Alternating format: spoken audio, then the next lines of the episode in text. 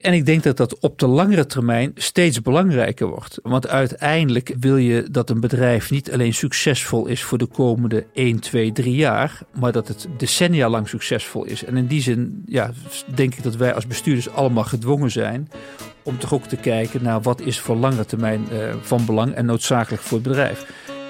Welkom bij Money Matters, een podcast over geld en impact, waarin Social Finance NL je meeneemt door het landschap van impact investeren en je bijpraat over de impact-economie. Hi en leuk dat je weer luistert naar Money Matters. Mijn naam is Ruben Koekoek en vandaag een wel heel speciale aflevering. Ik zit niet aan tafel met een vast panellid, maar we hebben een bijzondere gast die ik nu aan jullie zal introduceren. Vandaag bij ons te gast iemand met een indrukwekkende internationale loopbaan als bankier. De eerste 33 jaar van zijn carrière was hij werkzaam bij ABN AMRO, waar hij de laatste acht jaar verantwoordelijk was als CEO voor de internationale tak van de private bank. Daarna bundelde hij de krachten voor de Nederlandse banken om een vuist te maken tegen witwassen als kwartiermaker van Transactie Monitoring Nederland. En inmiddels is hij CEO van de Triodos Bank en mag hij de groenste bank van Nederland door roerige tijden loodsen. Daarnaast is hij alweer vier jaar een zeer gewaardeerd bestuurslid van Social Finance NL en zet hij de bloemetjes buiten als bestuurder van de Keukenhof. Mag ik u voorstellen, Jeroen Rijpkema. Dankjewel Ruben, wat een introductie. Ja hè? Ja, ik, ik, ik hakkel, als ik moet voorlezen vind ik het altijd lastig. Zeker omdat je hebt gekozen voor de naam Transactie Monitoring Nederland. Maar monitoring is Engels en transactie is Nederlands. Ja, maar je kunt ook volgens mij het Nederlands heel goed monitoren. Ja, uh, nee, een aantal Engelse woorden worden uiteindelijk gewoon ook Nederlandse woorden en vice versa. Ja, ik dacht ik begin met een kritische vraag. Want we hebben hier lang voor. Maar, was het een vraag of een opmerking? Nee, het was een kritische opmerking inderdaad. uh, maar jij bent natuurlijk bestuurslid van Social Finance NL in eerste instantie. Zeker. Uh, met Annemieke Robeek en Bernard de Haar. En die hebben hier alle twee al aan tafel gehad. Uh, dus we zijn heel blij dat jij nu ook uh, aanschuift. Ja, ik, dankjewel. En ik vind het ook heel erg leuk. En uh, nou, wie weet als uh, de, de laatst aangeslotene en de jongste van de drie, wie weet de Benjamin. Ben jij de jongste? Ik, ik weet het niet, ik, ik hoop het. Ja, volgens mij 1960. Ja. Ja, ja. Ja, de jong, ja, misschien moeten we eigenlijk wel een beetje ook wat jong, jong bloed in het bestuur. Zeker. En nou, we gaan het over allerlei eh, zaken hebben. De hoofdvraag uh, wordt: hebben alleen groene banken nog bestaansrecht? Daar gaan we het uh, over hebben. Maar we beginnen altijd met de vaste rubriek: de uitgeleider.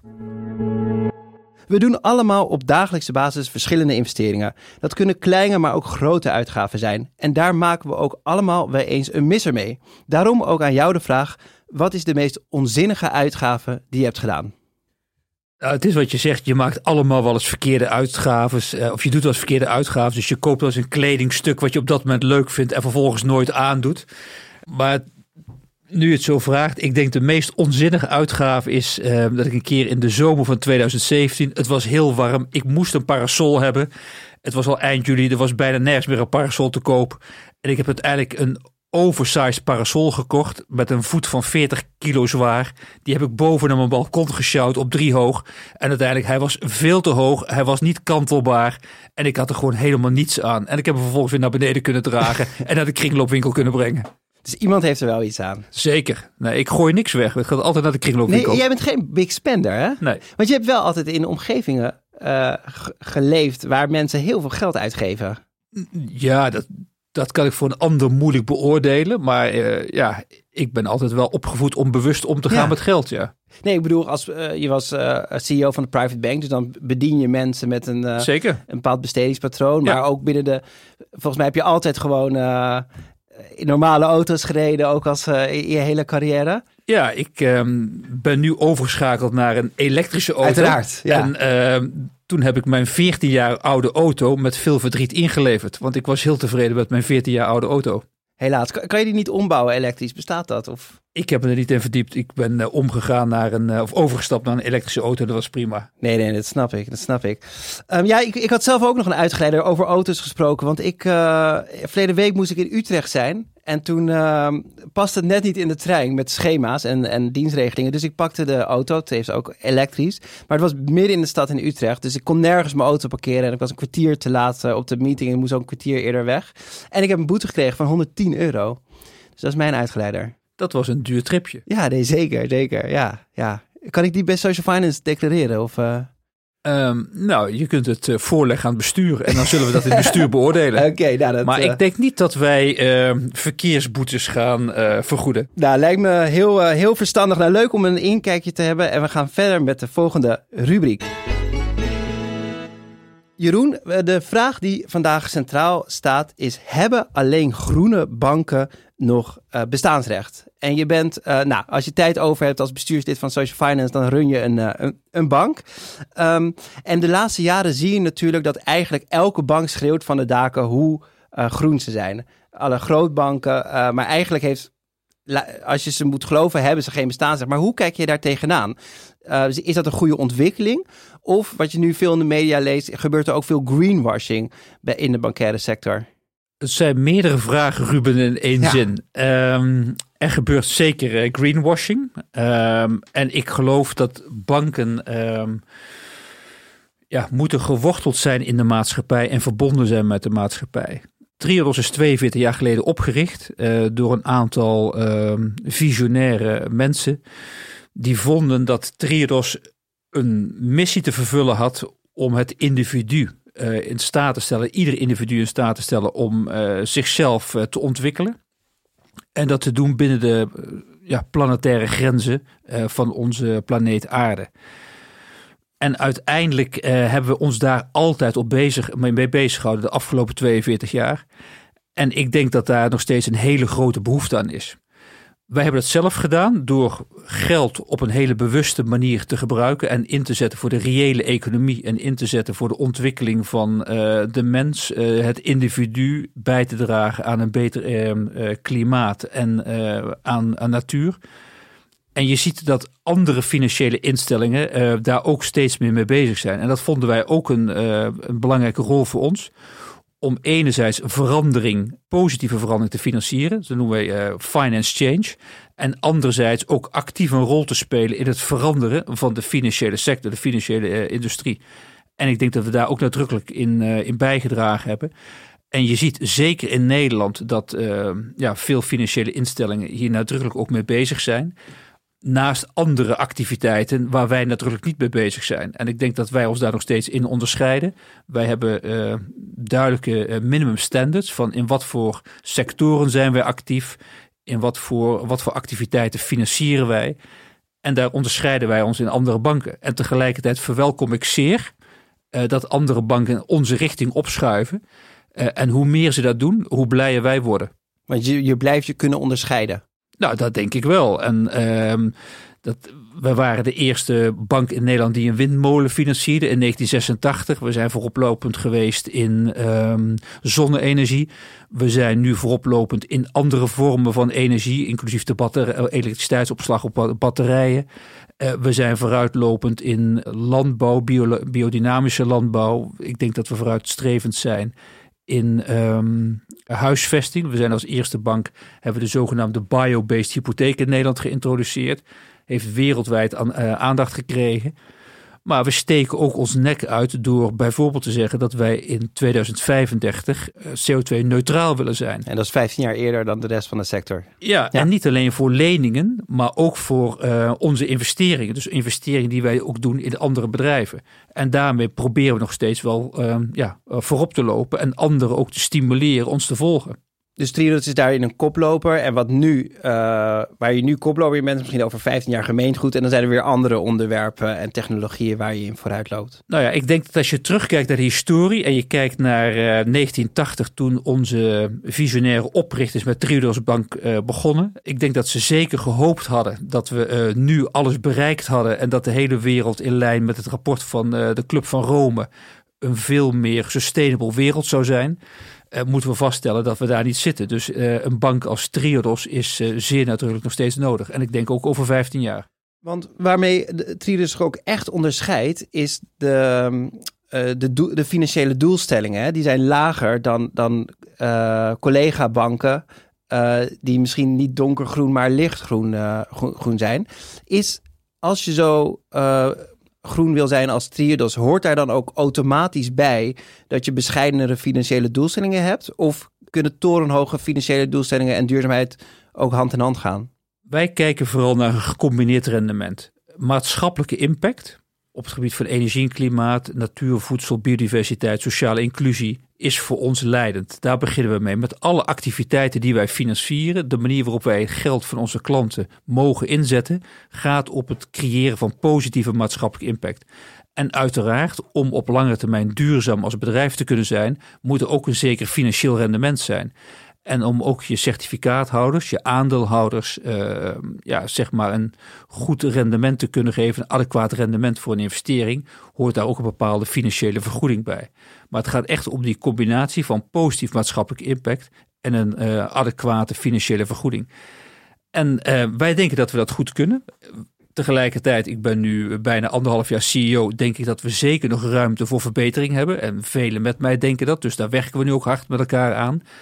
Maar ik denk dat het ook wel reëel is om te zeggen dat als je bepaalde activiteiten uitsluit, zowel qua sectoren, maar ook bepaalde activiteiten in de financiële wereld. Wij zijn alleen maar in de reële economie bezig, dus wij financieren alleen maar zaken waar mensen nu acuut behoefte aan hebben ja, dan zul je niet altijd de hoogste rendementen kunnen halen. Dus dat is wel een consequentie die daarmee samenhangt. Ja, dus eigenlijk, als ik het goed begrijp, zijn jullie in de impact investing wereld noemen we het wel eens impact first en finance first. Dus het hoofddoel is impact maken en dat doe je door een goede financiële huishouding en daar ook de bedoelde rendementen voor de beloningen voor de, voor de uh, uh, aandeelhouders of certificaathouders. ja, um, maar ik vind het wel van belang om met elkaar te benadrukken dat um, duurzaam werken. Hè, en, en, dus uh, het streven naar duurzame positieve impact niet betekent dat je daardoor geen verantwoord rendement kunt halen. Hè, dat is wel heel belangrijk. Ik denk dat het hand in hand kan gaan. Maar doordat we bepaalde keuzes maken, hè, dus als wij een uh, uh, zeg maar um, ja, sociale huisvesting financieren, als wij uh, bepaalde biodynamische uh, landbouwprojecten financieren, dan zul je daar een ander type rendement en mogelijk een wat lager rendement opmaken, financieel gezien, uh, dan met uh, ja, andere activiteiten.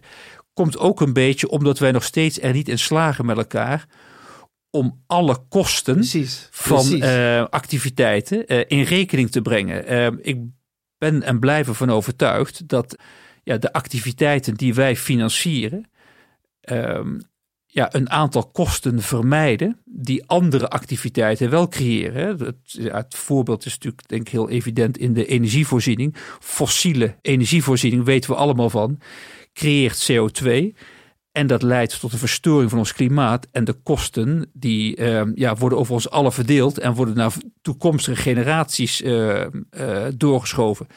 Als je in duurzame energieopwekking zit, zonne-energie, windenergie ja, dan heb je die kosten niet. Alleen op dit moment zijn die kosten nog niet toeberekend. Uh, als jij een vliegticket boekt, uh, dan betaal je niet de werkelijke prijs van de, ja, ja. De, de, klimaatvervuiling die daardoor ontstaat. Dus in die zin is een discussie over rendement is ook soms best wel een, lastige discussie, omdat we niet appels met appels vergelijken, maar we vergelijken uh, verschillende grootheden. Nee, misschien komt daar ook wel je werk bij Social Finance NL samen. Wij proberen sociale uh, waarden te includeren in business cases, Zo zodat het. het. loont om het juiste te doen, wat ook uh, voor je omgeving rendeert. Ja. Ik denk sociale inclusie is misschien nog wel lastiger dan groene inclusie, omdat je dat groene makkelijker kan beprijzen. Ja. En, ja. Oké, okay, dus eigenlijk, eigenlijk zou het zo moeten zijn dat in ieder geval op lange termijn zou wat maatschappelijk rendeert ook financieel moeten renderen. Maar omdat, er, omdat, de, omdat de maatschappij nog niet zo is ingericht, zegt Triodos, nou oké, okay, wij eh, stellen die impact centraal. Dus we kunnen dingen financieren wat anders niet mogelijk is, doordat we Um, ja, om, doordat we genoegen nemen met misschien een wat lager rendement. Ja, maar nog steeds een fatsoenlijk rendement. Want nogmaals, anders dan ja kan ik mijn andere stakeholders niet tevreden houden en kan ik ook niet op lange termijn aan de duurzaamheid van bedrijf werken. Maar ik ga niet voor het maximale financiële rendement. Ik ga voor een goede combinatie van maatschappelijk en financieel rendement. Ja, daar heb je ook doelen op gesteld, toch? Je zegt ja. van de, de return on investment moet wat hoger. Ja. En, en we moeten ook wat, wat, mag ik zeggen, wat strakker georganiseerd zijn, zodat we eh, minder kosten hebben? Nou, ik, ik denk dat wij een ruimte hebben om onze schaalgrootte beter ja. te benutten. Ja. We hebben nu uh, activiteit in vijf landen. We zitten uh, naast uh, Nederland ook in Duitsland, België, het Verenigd Koninkrijk en Spanje. Ja, dat is natuurlijk het voordeel als je nieuw binnen mag komen. En ik vind, vind het nog steeds mogen. dan zie je dat er ruimte is voor bepaalde verbeteringen. En dan ben je minder gewend aan de dingen zoals ze al zijn. En breng je kennis en ervaring van buiten naar binnen. En uh, ja, daar zijn we het bij elkaar over eens. En daar zijn we ook druk mee bezig. Een groot deel van jouw tijd als CEO zit ook met, uh, gaat ook zitten in certificaathouders die, nou, die ontevreden zijn en die, nou, die niet met een certificaat kunnen handelen. Zou je voor de luisteraar heel kort aan kunnen geven wat er, wat er speelt? En, Zeker. Zeker. Het is gelukkig uh, een belangrijk deel van mijn tijd. Maar ik heb gelukkig ook nog heel veel tijd voor klanten en voor andere activiteiten. En voor podcast. En voor podcast. Um, goed. Triodos heeft bij haar oprichting um, gekozen voor een model waarbij uh, mensen die de visie en missie van Triodos willen ondersteunen, in Triodos Bank konden investeren waarbij uh, zij economisch uh, mede-eigenaar worden van de bank of werden van de bank en het stemrecht bij de stichting uh, aandelenadministratiekantoor Trilos was, werden ondergebracht. We hadden een systeem van een interne handel. Dus op het moment dat iemand een certificaat kocht en na een aantal jaren om uiteenlopende redenen weer wilde verkopen, dan kon die persoon het certificaat terugverkopen aan uh, Triodos Bank tegen de dan geldende intrinsieke waarde. Dus wat de bank op dat moment waard was. Dat systeem heeft 42 jaar lang uh, goed gefunctioneerd en had de bank ook een bepaalde handelsbuffer voor die doorgaans maximaal 3% kan zijn van je beschikbaar vermogen. Dat systeem is tegen haar grenzen aangelopen bij de uitbraak van de corona-epidemie. Op dat moment was er een aanzienlijk meer aanbod van certificaten die ter verkoop werden aangeboden dan dat de ruimte van die handelslimiet toeliet om te, op te nemen. Op dat moment is de handel stilgelegd. Heeft de bank een aantal stappen genomen om de handel opnieuw te kunnen opstarten. De handel is in oktober 2020 opnieuw opgestart. Uh, op een bepaalde gecontroleerde manier. Uh, met kleinere transacties per keer. En uiteindelijk heeft de bank in januari 2021 opnieuw de handel moeten stilleggen. Omdat het vraagstuk van het overaanbod niet kon worden opgelost binnen de bestaande uh, beperking van de handelslimiet. Sindsdien is de bank bezig om uh, een andere oplossing te bedenken en aan te kunnen bieden aan de certificaathouders. Uh, om de handel weer te kunnen laten plaatsvinden op een gereguleerde manier. Certificaathouders kunnen altijd onderling aan en verkopen. Maar met 43.500 certificaathouders is dat niet voor iedereen even makkelijk. Dus vinden wij dat we een uh, andere vorm van gereguleerde handel moeten aanbieden. Daar zijn we nu druk mee bezig. Um, en we streven ernaar om dat in het tweede kwartaal volgend jaar uh, te kunnen doen. Dat betekent dat voor een groot aantal certificaathouders die zouden willen verkopen, zij drie jaar lang straks niet via dat gereguleerde platform hebben kunnen verkopen. Dus dat is echt heel vervelend. Um, en dat vind ik zelf ook heel vervelend. Dus vandaar dat we hard aan werken om daar een oplossing voor te vinden. En tegelijkertijd zullen we het niet meer kunnen doen tegen die intrinsieke waarde. Want de bank zelf zal geen partij meer zijn. Het zal dan straks gaan uh, op basis van een handelsprijs die tot stand komt tussen vraag en aanbod. En in die zin is het onzeker uh, op welk prijsniveau de handel straks gaat plaatsvinden. En die combinatie van lang niet kunnen handelen uh, en een variabele handelsprijs ja, dat leidt bij een aantal certificaathouders die willen verkopen op dit moment natuurlijk uh, ja, tot een begrijpelijke uh, ontevredenheid. Natuurlijk een, een, technisch verhaal wat heel veel emoties losmaakt. Maar één stapje ho hoger. Hè? De vraag is, is er alleen nog maar plek voor groene banken? Um, maakt je aandeelhoudersstructuur uit om echt groen te kunnen zijn? Kan elke bank dat zijn? Of moet je een bepaalde waarborg in je governance in, inplannen om dat te kunnen, um, te kunnen waarmaken? Ik praat het liefst over een duurzame bank. Hè, want ik denk dat groen gaat er heel snel ja, uh, naar nee, klimaat eens, en ja. energie. En ik geloof heel erg in uh, onze thema's energie, uh, klimaat, biodiversiteit, maar vooral ook naar sociale inclusie ja. en naar uh, de individuele ontwikkeling en de maatschappelijke ontwikkeling. Dus in die zin, uh, ja, wat mij betreft, heel graag de aandacht voor duurzaam.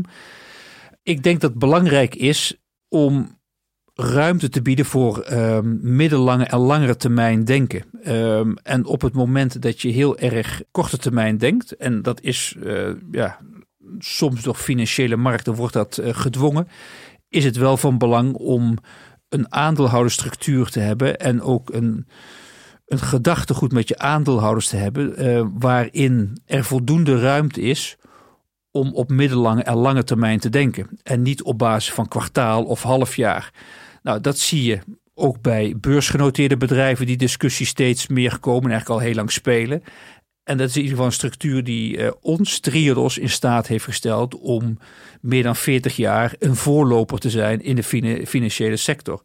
En met het model wat we nu bedenken van een alternatief handelsplatform, denken we nog steeds dat we daar ook straks mee in staat zijn om langere termijn uh, waarde te creëren voor onze certificaathouders. Maar elke CEO zegt dat hij lange termijn denkt. Maar uh, bijvoorbeeld Polman, die zei ook, ja, ik, ik creëer lange termijn waarde, maar toch werd hij ingehaald door zijn aandeelhouders en moest hij uh, het veld ruimen. Of in ieder geval kon hij zijn strategie niet uitvoeren. Um, dus denk je dat je als, als duurzame CEO ook echt radicaal een langetermijn strategie gericht op bredere welvaart kan, kan implementeren als je een normale aan of normaal als je zeg maar beursgenoteerd bent en, uh, en daar geen enkele veiligheid in hebt uh, opgebouwd. Er zijn ook een aantal assumpties die we ja, nu nee, combineren. ja. uh, kijk, we hebben nog steeds de structuur van onze aandeelhouder. Nee, ik bedoel meer in het algemeen. Ik, ik, ik, ik laat expres even de, de, de casus los, want ik weet dat, da, ja. dat daar eh, heel veel um, nou, ik denk dat op een beurs, op een open beurs, waar wij dus niet naartoe gaan. Ja. Hè, wij gaan naar een semi-open beurs. Dat is echt een andere structuur Precies, die wij kiezen. Ja. Maar als je op een uh, open beurs bent, uh, à la een Euronext. Ja, dan denk ik dat je hier wel heel goed met je aandeelhouders over moet praten. En een hele duidelijke strategie moet hebben om daar geen misverstanden over te hebben. En is dat dan een zekerheid? Dat denk ik niet. Maar ik denk ook niet dat het onmogelijk is. Ik denk dat er voldoende, ja, toch ook aanknopingspunten zijn om wel degelijk met elkaar naar de middellange en de lange termijn te kijken. Dus ook in een, in, een, in een beursomgeving moet je zorgen dat je met elkaar de vraag stelt. Uh, niet alleen van hoe, hoe optimaliseren we de financiële parameters, maar ook de impact parameters of de duurzame parameters. En dat denk ik zeker. En ik denk dat dat op de langere termijn steeds belangrijker wordt. Ja. Uh, want uiteindelijk uh, wil je dat een bedrijf niet alleen succesvol is voor de komende 1, 2, 3 jaar, maar dat het uh, ja, decennia lang succesvol is. En in die zin ja, denk ik dat wij als bestuurders allemaal gedwongen zijn om toch ook te kijken naar wat is voor langere termijn van belang en noodzakelijk voor het bedrijf dat is soms wel lastig om dan te delen met mensen die meer naar de korte termijn kijken en denken van ik investeer voor een korte periode in een bedrijf en dan stap ik er weer uit. En het is dus ook van belang om je te omringen met lange termijn investeerders die bereid zijn om uh, ja, los van de waan van de dag zich toch te verbinden aan een bedrijf. En dat is in onze huidige wereld, uh, waar toch korte termijn denken uh, en de snelheid der dingen uh, ja, toch vaak toonaangevend zijn, is dat best uitdagend. Dank je. En tot slot, want verleden jaar heb je een artikel in het FD geschreven over de taxonomie. En, ook, en volgens mij is dat aangenomen in het, in het Europees Parlement dat kernenergie en aardgas uh, onderdeel wordt van de taxonomie en dus groen zijn. En jij je daartegen uh, verweert. We zitten nu natuurlijk in een andere situatie met de oorlog in de Oekraïne.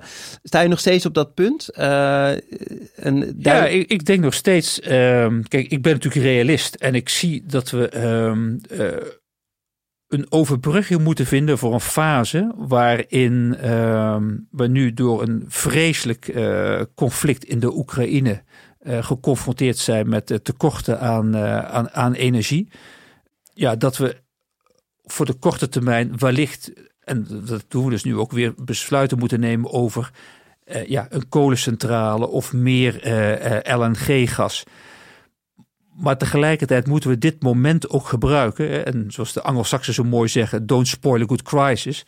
We moeten dit moment ook gebruiken om juist nu de versnelling naar duurzame energievoorziening ja, op te voeren. En niet om weer terug te vallen in het oude gedrag van zelf andere vormen van fossiele energie te gaan uh, aanboren. Um, in die zin blijf ik het heel ja, verdrietig vinden dat we de taxonomie ehm, ja, toch in mijn ogen ontkrachten door daar wel gas en kernenergie in op te nemen. Uiteindelijk willen we ons verzetten tegen uh, greenwashing. Zorg dan dat een maatstaf die we neerzetten om iedereen in staat te stellen: dit zijn groene, duurzame investeringen. Ga die dan niet verwateren door er twee uh, vormen van energievoorziening in op te nemen, die daar uh, lijnrecht uh, tegen ingaan. Snap ik. Um, dus als we teruggaan naar de algemene vraag, is er eigenlijk is er alleen nog maar bestaansrecht voor groene banken? Dan corrigeer we het moet zijn duurzame banken of de banken die de lange termijn in achtneming uh, zijn. Dus wat je dan alles in oog zou nemen? Wat zou jouw antwoord dan zijn op, de, op, op die vraag? Wij vinden dat alle financiële instellingen geworteld moeten zijn in de maatschappij. En daarom de uitdaging moeten aangaan waar we op dit moment als samenleving mee te maken hebben. Triodos geeft erin het goede voorbeeld. En we vinden dat alle banken dus ook op moeten schuiven naar het zijn van een duurzame financiële instelling. Nou, duidelijke conclusie. En uh, je bent helemaal niet bang dat ze dan te veel op Triodos gaan lijken. Graag juist. En dan vind Absoluut. je wel weer de nieuwe, het nieuwe gebied om op te pionieren. We gaan door met de afsluiter, de impactdraad. We zijn bijna gekomen op het eind van deze podcast. En we sluiten deze podcast ook af met een persoonlijke rubriek. Je hebt natuurlijk een fantastische carrière doorloopje. Uh, maar we zijn niet op zoek naar de rode draad, maar de impactdraad door die carrière. What makes you tick? Ja, het zijn een aantal dingen. Um, ik denk één, om dingen samen te doen. Uh, want het gaat niet om mij, maar het gaat om samen impact te creëren. En ik denk wel dat naarmate ik wat verder ben in mijn loopbaan en ook in mijn leven, um, ik meer en meer um, ja, ook tot het inzicht ben gekomen dat ik mijn ja, mijn energie, mijn kunnen moet inzetten om gezamenlijk uh, dingen te bereiken. En uh, nou, dat begon natuurlijk om uh, samen met jullie Social Finance Nederland te helpen oprichten. Daar ben ik nog steeds heel trots op. Um, maar waar ik ook heel trots op ben, is dat ik met heel veel mensen van vijf verschillende banken in Nederland een bijdrage heb mogen leveren aan het oplossen of het opzetten van transactiemotor in Nederland. Je had het er al over, maar het is wel een hele belangrijke combinatie van krachten van vijf banken in Nederland om gezamenlijk zich eh, op te stellen in de strijd tegen witwassen, wat echt een groot maatschappelijk probleem is eh, in ons land. En misschien niet direct tastbaar voor iedereen, maar het, ja, het leidt toch tot een ondermijning van onze democratie. Dus ik ben echt trots op uh, dat we dat met elkaar hebben kunnen opzetten. En zoals je wellicht weet, ligt nu het wetsvoorstel om dit ook een wettelijke basis te geven en verder te kunnen uitbouwen, is nu door de regering naar de Tweede Kamer gezonden. Um, en daarnaast ben ik via Transactiemonitor in Nederland in contact gekomen met Triodos. En dat is natuurlijk voor mij echt het hoogtepunt in mijn uh, professionele loopbaan. Uh, dat ik uh, bij Triodos ben gaan werken. Kijk, nou, dankjewel. En ik, ik moet zeggen, het is ook wel... want volgens mij heb je heel bewust ook een, die shift gemaakt, toch? Je, je Absoluut. Wel, Absoluut. En heb je de, kwam dat nog door een bepaald evenement of zo? Of je zegt van, ik ben nu wat later in mijn carrière, maar... Hoe, nou ja, ik denk wel dat het ook. Uh, ja, ik, ik, denk wel dat het met een persoonlijke ontwikkeling te maken heeft. En ik denk ook dat we ook nu zien. Uh, uh, ja, we zitten met elkaar in een beslissend decennium. Ehm, ik denk echt dat we met elkaar een aantal bakens echt moeten gaan verzetten. En of het dan gaat over energie en klimaat, of over voedsel en biodiversiteit, of over sociale inclusie en de samenstelling en het functioneren van onze maatschappij. Um, ja, op een gegeven moment kun je er ook gewoon niet naar kijken en er als een consument in zitten. Je moet denk ik ook gewoon uh, daar een bijdrage aan leveren. En uh, wat is er dan mooier als je je professionele kennis en ervaring mag inzetten om een bijdrage te leveren aan het beter functioneren van onze maatschappij. En uh, nou, ik denk dat Triodos daar druk mee bezig is door op een hele bewuste manier geld in te zetten voor uh, positief maatschappelijke verandering. Kijk, ik denk dat het een mooie afsluiting is uh, van de uh, podcast. dankjewel Jeroen voor je mooie inzichten. Ook dank aan de sponsors van de podcast Oranje Fonds, ABN AMRO en productie Daniel van de Poppen van Spraakmaker Media. redactie Daphne Sprecher, jou wel bekend, en Nina Berkulo. En wil je niks missen van deze podcast? Abonneer je dan op je favoriete podcastkanaal op Money Matters. Dankjewel en tot de volgende keer. Dankjewel Ruben.